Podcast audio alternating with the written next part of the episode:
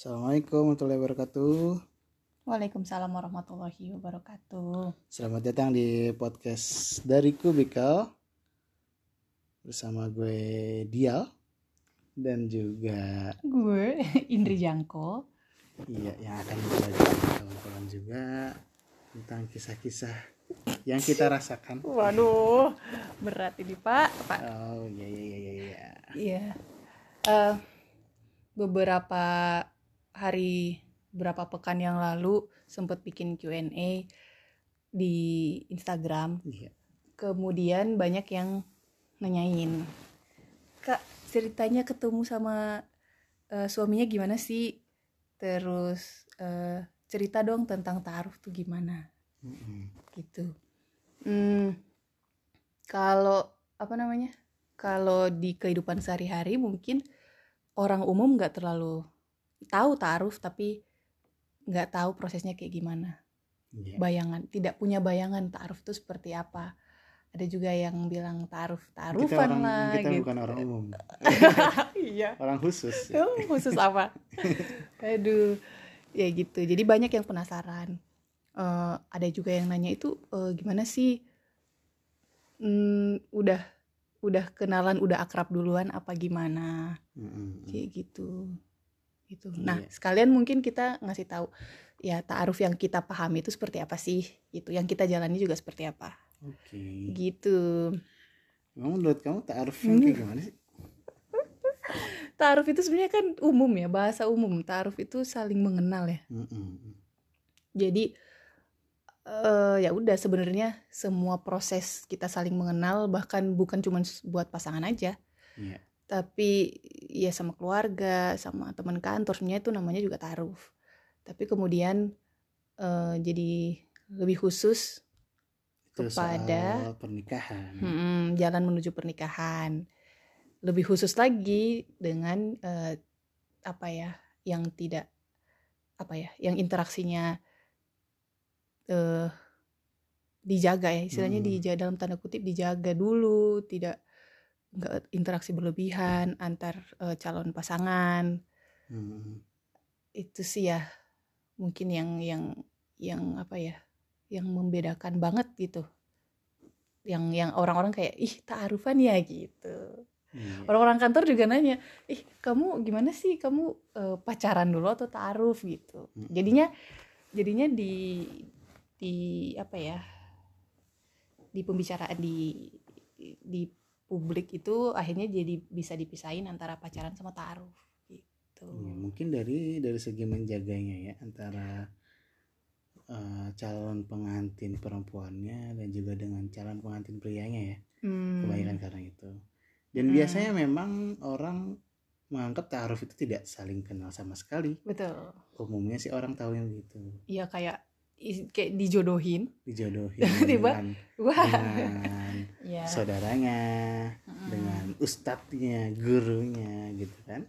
Mm, mungkin orang mengenalnya sebatas itu. Tapi sebenarnya namanya ta'aruf itu lebih terbuka maknanya ya.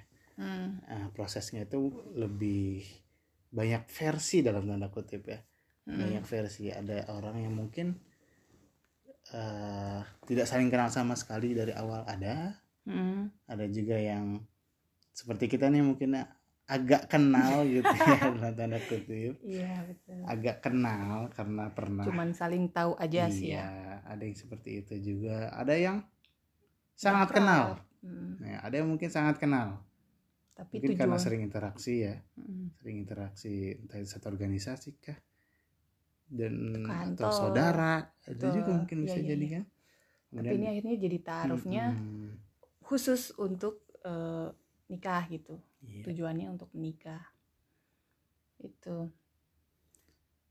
Hmm, jadi kapan nih? Nah, kalau misalnya ta'aruf menikah itu, kalau ta'aruf itu sendiri sebenarnya ketika kita memulai ta'aruf itu sudah ada niatan dari awal Hmm. Bahwa kita ingin menikah. Kan sebenarnya di situ. Bahwa keduanya ini mengenal untuk tujuan pernikahan. Hmm, gitu kan. saling kenalnya bukan cuma buat Bukan kepo ya untuk ah, ah, betul. Makanya saya bilang tadi ada juga saudara itu bentuknya juga ta'aruf sesama saudara misalnya mau nikah itu juga ta'aruf ada batasan-batasan yang harus dijaga juga walaupun mungkin udah saling kenal juga tapi ada hal-hal yang ingin digali lagi lebih karena kan tujuannya pernikahan kan Hmm. misal seperti mempertanyakan ke depannya masa depannya seperti apa Betul. gitu kan Hmm. Eh, hal-hal apa yang harus difahami setelah pernikahan Hmm. yang harus ditoleran setelah pernikahan kan gitu jadi memang dari awal dise- disebut ta'aruf itu bukan belum ada niat ya makanya Iya. kan kadang ada orang pacaran itu menganggap dirinya sedang ta'aruf. Ya. Ya kadang ada orang yang menganggap dirinya sedang ta'aruf padahal pacaran. Hmm. untuk mengenal tapi tidak untuk tujuan pernikahan. Hanya Iya, untuk mungkin tujuan untuk- mengenal. mungkin ada tujuan pernikahan ya. Mm-mm. cuma lebih ke ya udah ntaran dulu lah gitu. Gue kenal dia dulu baru Mm-mm. nanti soal nih kita nikahnya kapan nanti kita bisa omongin lagi kayak nah makanya ta'aruf itu karena ada banyak versi ta'aruf yang ingin kita bahas ini versi versi yang kita Ya. jalanin. nih. ya, yang kita maksud ta'aruf di sini adalah ta'aruf yang tujuannya pernikahan ya, bukan yang tujuan yang ya. bukan tujuan yang sekedar mengenal. Betul. Karena kan tujuannya bukan tujuan mengenal tuh bukan tujuan kalau bagi saya juga. Bagi Hmm. gue deh gue. Bagi Bagi gue tuh. Gue eh, ta'aruf tujuannya bukan mengenal justru. Ta'aruf itu proses mengenal dari tujuan menuju pernikahan jadi dia salah satu tahap saja betul salah satu tahap saja dari tujuan pernikahan itu bukan Hmm. ta'aruf itu sendiri tujuannya gitu Hmm, loh hmm. Terus ada lagi yang sering nanya, emang kalau taaruf itu harus biodata dulu ya? Gitu. Ada juga yang nanya kayak gitu. Ya tadi ya, balik lagi karena mungkin ada yang udah saling ngen- mengenal saudara gitu.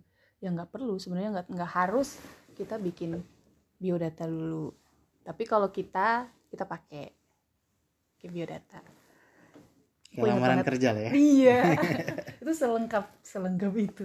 Selengkap itu apa namanya? Dari mulai background pribadi, latar belakang pendidikan, kemudian latar belakang keluarga seperti apa, gambaran nanti rumah tangganya seperti apa, eh apa ya? Pribadi kita seperti apa. Nah, yang menarik di sini waktu eh, gue mulai bikin proposal itu ternyata makin ke sini makin ngerasa oh ternyata ini proposal ini buat aku loh gitu. Buat buat diriku sendiri sebenarnya. Buat Mm-mm. aku ngenal diriku se- sejauh apa sih? Kayak gitu. Itu jadi nggak perlu harus ada biodata tapi kalau misalnya teman-teman pengen ada biodata ya monggo mau sebuku juga nggak apa-apa ya.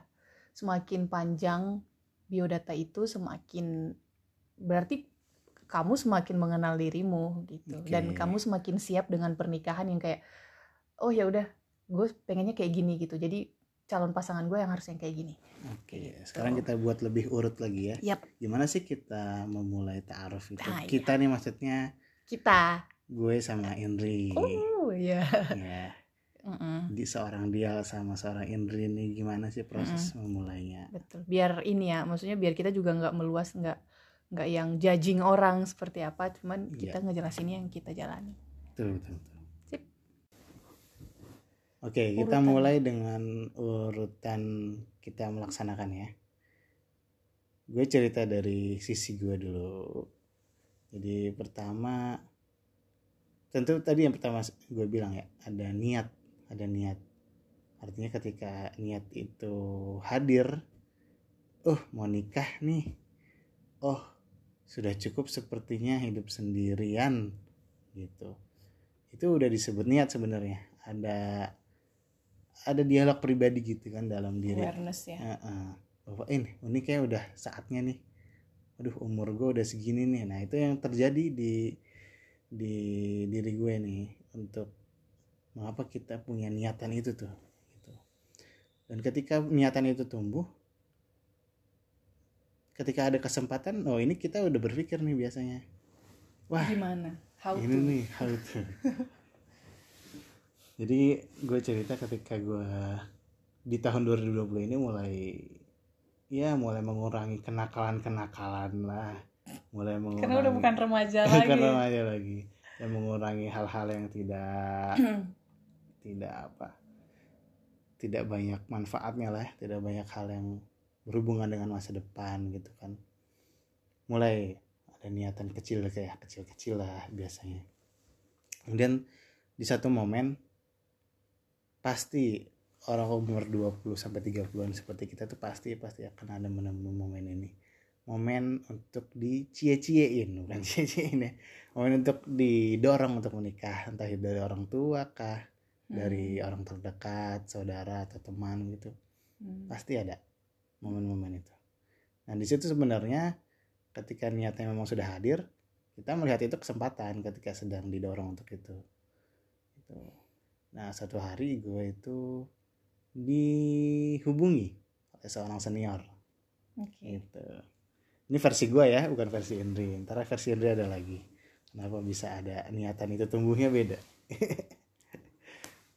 Terus eh gue dihubungin eh dia mau nikah gak hmm, gue nikah oke gue bilang ya ada rencana sih ada niatan sih kalau bisa tahun ini atau tahun depan Itu kemudian 2020 ya? Iya, betul. 2020 awal itu ya. Hmm. Februari saya Yep. saya. Hmm. Itu mulai dihubungi dan gue meng, eh, mengiyakan untuk bertukar biodata. Itu Hmm. dulu, karena kan Hmm. Siapa nih kan gitu ya pertanyaannya siapa nih. Hmm. Walaupun Siap nikah tapi mau siapa gitu. eh, udah disebutin sih namanya. oh, udah disebut. Disebutin namanya dengan ini ya dengan Indri gitu kan. Wih. secara sebenarnya kita ini sudah saling kenal ya ya kan Indri Hmm. sama gue ini udah saling kenal di kampus Hmm. tapi tidak seintens atau bahkan jarang sekali bisa dibilang untuk berkomunikasi entah itu via WA Pernah ya? ya nggak usah oke Iya, vi- via WA pernah. Cuman waktu itu nanyain apa gitu. Mm-mm. Soal organisasi. beasiswa Iya, aku dulu soal, soal Oh, iya, iya. organisasi. Organisasi. Bantuan apa gitu. Ya. Yap. kemudian barulah eh, kita mulai bertukar biodata ya Hmm. Udah biodata lengkap formatnya itu bebas sebenarnya bagi orang apa yang ingin diketahui aja Kasih aja emailnya ntar kita forward. enggak, enggak, enggak. ya itulah pokoknya ada, rinci sangat rinci saya itu buat beberapa halaman hampir 10 Sembilan. ya sembilan ya Hmm. sembilan halaman Indri juga sekitar 16. segitulah wah 16 dia ya kalau perempuan Iya, ceritanya panjang ya lebih banyak. Iya. harus. ya itu intinya sih memang apa yang di- dikhawatirkan apa yang diharapkan ketika setelah pernikahan karena kan memang tujuan kita kan nggak nggak sekedar berhenti di malam pertama kan kita kan nggak berhenti Hmm, di situ hmm. kita kan berhenti sampai malam-malam berikutnya mungkin sampai mati gitu Amin. makanya makanya ada hal-hal yang perlu dibicarakan toleransi di mana gitu ya hal-hal yang tidak disukai dan disukai nah di dalam itu kemudian kita membacanya kan ada hal-hal yang memang saya pikir saya bisa toleransi di sini Eh, dan bisa mengerti lah apa yang diharapkan oleh seorang Indri kemudian lanjut lah kan Hmm. lanjut kalau Indri sendiri juga ada lanjut juga ya ada keinginan untuk lanjut juga Iya. Mm-mm. nah makanya eh, Ya udah, jalan. ya udah dijalanin kita jalanin Iya, waktu itu juga gue sebenarnya dalam posisi jadi 2019 itu emang udah ya tadi ya kepikiran mau nikah gitu. 2019 ya udah nitip-nitip. Dan kalau misalnya ada calon kasih tahu dong gitu kan. Terus habis itu tapi ternyata pas mau nikah itu sebenarnya lagi nggak justru lagi nggak nggak pengen nikah. Kalau Hmm. kalau aku lagi nggak pengen nikah karena memang di, di kondisi di keluarga itu sedang inilah tidak inilah nggak pas lah kalau misalnya aku propose untuk nikah gitu.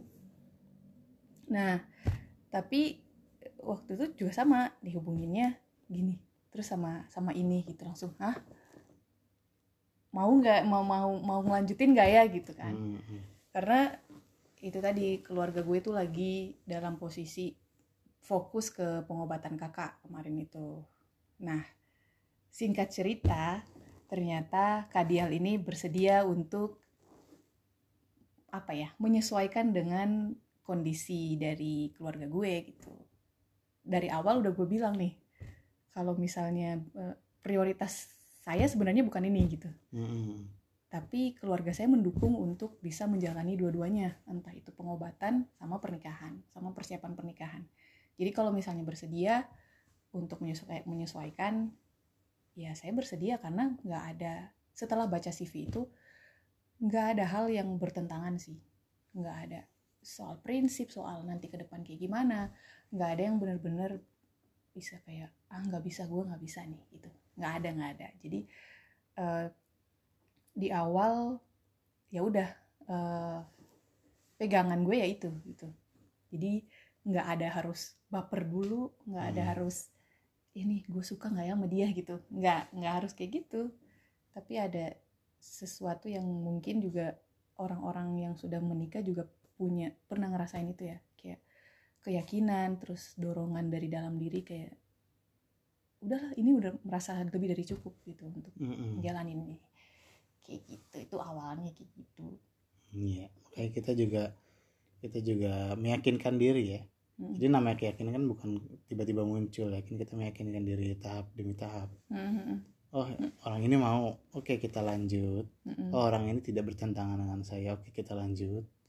Selama kalau saya kalau gue kalau gue kalau gue ya kalau memang sudah udah ada niatan mau dijalani sih sampai akhir kan sampai kemudian pernikahan memang benar karena memang tujuannya dari awal tahun kan udah itu Mm. gitu walaupun sebenarnya ya ad- kita juga milih kan sebenarnya kita milih ketika di proposal itu diberikan biodata itu diberikan kan kita juga milih Hmm. ada yang sangat bertentangan nggak yang kita kemudian tidak Iya. sukai dan Hmm. Orang ini kan kita pikir ini orang yang bakal bertahun-tahun sama kita nih. Hmm. makanya kan kita pikir selama tidak ada yang bertentangan prinsip dan segala macam Kenapa enggak? kenapa enggak ya kan gitu. Iya. not? jangan sampai kita mungkin kalau cewek-cewek mungkin yang lebih ngerasain ini ya. Pengen banget nikah nih gara-gara teman-teman udah pada nikah. Terus kemudian datang proposal ada yang nggak serak tapi mau gitu. Hmm, karena bener kayak ya udahlah aku pengen nikah aja kayak gitu. Hmm, ya jangan sampai seperti itu sih kalau saran-saran gue. Ya kalau mau nikah harus harus ini dulu harus serak dulu nih sama orangnya. Mantapin dulu ya. Iya betul, jangan sampai cuma gara-gara apa ya alasan sepele terus "Ya udahlah aku udah capek aku mau nikah aja. Hmm. jangan sampai kayak gitu. Nah tapi kebetulan alhamdulillahnya ya udah kita ya itu tadi nggak ada Oke. yang bertentangan Iya. gitu Jadi itu ya tahap pertama itu biasa kita tukar bu- Informasi biodata. lah ya Iya, sebenarnya. informasi dalam bentuk diri. apa pun ya Nah, yang kedua, kemudian kita ada proses yang kalau kita sering nyebutnya ini nazar, ya. Saling melihat karena kalau misalnya orang bertemu foto lewat foto saja kah, atau tulisan saja itu tidak bisa melihat keyakinan dia, mimiknya seperti apa. Hmm. emang bener yakin atau seperti orang dipaksakan kan kita nggak bisa lihat kan dari situ Yup, yup. Eh, makanya kemudian kita ada yang kedua ini proses nazor benar-benar ketemu ngucapin apa yang diinginkan Yang serius apa enggak ya apa yang dituliskan itu bisa Confirm. dikonfirmasi dan bisa didiskusikan di situ Nah, itu proses nazar kita waktu itu di Depok ya temunya ya Hmm. temu di Depok waktu itu Nah, makanya itu hanya beberapa menit sih sebenarnya tidak lama nggak sampai sejam Iya, nggak sampai sejam kita selesai karena memang tidak ada yang banyak perlu diperbincangkan kan. Ter- Itu tergantung juga pasangannya nanti ya. Kemudian habis nazar itu ada proses hitbah. Langsung hitbah itu juga Ah, kaget. hitbah. kaget nggak waktu itu? Jadi kayak pas itu ditanyain eh, gimana nih? Cocok nggak? Gitu. Mau berapa hari nentuinnya? Kayak gitu. Soalnya kalau misalnya kalian sudah cocok berarti akan lanjut ke tahap selanjutnya itu hitbah. Hah? Udah hitbah aja. Itu seminggu ya rentangnya cuma seminggu. Iya. Mungkin ada beberapa orang itu butuh nazar beberapa kali. iya ya Terserah kan ingin meyakinkan, betul kemudian berdiskusi sama keluarganya, Mm-mm. ya kan? informasi Gitu, yang udah itu. diterima di ta'aruf Nah, disampaikan Iya. Gue juga itu setelah hitbah baru ngasih informasi ke eh setelah hitbah, setelah nazar pertama baru ngasih tahu ke orang tua.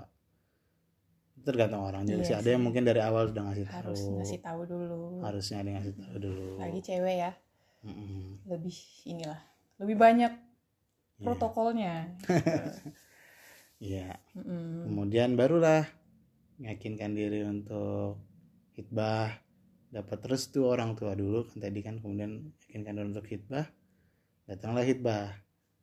Ini prosesnya juga dalam beberapa pekan ya, Mas minggu seminggu ya, Hmm. seminggu setelah nazar kalau kita hmm. itu datang karena kebetulan keluarga Indri sedang ada di Jakarta, full. Iya, lengkap dan juga yang kita juga tidak sangkakan kan lagi masa pandemi datang tuh Iya. saat itu. Pas banget ya. Pas banget waktu gue mau ke sana tuh beberapa hari tuh udah mulai diterapkan apa eh, lockdown kota ya. Iya, dan kota jadi nggak terlalu banyak orang bisa keluar masuk gitu kan ke pemukiman dan Hmm. seterusnya Mm-mm. di dalam hitbah itu kita ngenalin diri sih ke keluarganya intinya itu nggak masuk ke kandang macan enggak Iya. kenalin diri tapi juga nggak nggak sedalam yang ada di CV ya yang ada di biodata itu karena itu mungkin hal-hal pribadi yang nggak bisa disampaikan beberapa tapi ada hal-hal pribadi yang juga perlu disampaikan misal seperti kesiapan keluarga kondisi keluarga. Mm-mm. seperti apa itu dikisahkan juga di dalam hitbah itu. Mm-mm. Eh, singkat cerita eh ya diterima dengan baik. Alhamdulillah. Ya seorang Ifdial nih gue diterima dengan baik oleh keluarganya Hmm. kemudian eh Mm. diterima Apa? dengan baik oleh keluarganya ya kemudian kita bersepakat untuk eh, mengadakan pernikahan di rentang waktu ini bulan ini kan waktu itu kira-kira saja Iya, sih itu belum pun ditanyain ada. ke kita ya kita Iya. kapan Hmm. ditanyakan juga ke pihak perempuan siapa siapa kapan Hmm. Iya. Aku mau apa tadi lupa. Ya intinya sih apa namanya? Yang aku ingat banget tuh waktu mau pas natur itu dikasih tahu sama perantaranya bahwa ini kalian udah satu nih gitu. Kalian berdua udah jadi satu. Nanti nganyam yang apa masing-masing itu memperjuangkan calon pasangannya ke orang tuanya. Kayak gitu. Terus aku kayak yang hah? Kan baru baru sekali ketemu masa kita udah harus saling memperjuangkan? Gitu. Tapi ternyata benar. Jadi sebelum eh, sebelum hitbah itu kita udah harus meyakin udah harus ngasih tahu informasi itu. Nggak cuman sekedar ngasih tahu tapi kayak ini loh orangnya gitu. Ini loh yang yang eh, yang gue pilih kayak gitu nah waktu pas eh, hitbah itu emang keluarga agak kaget.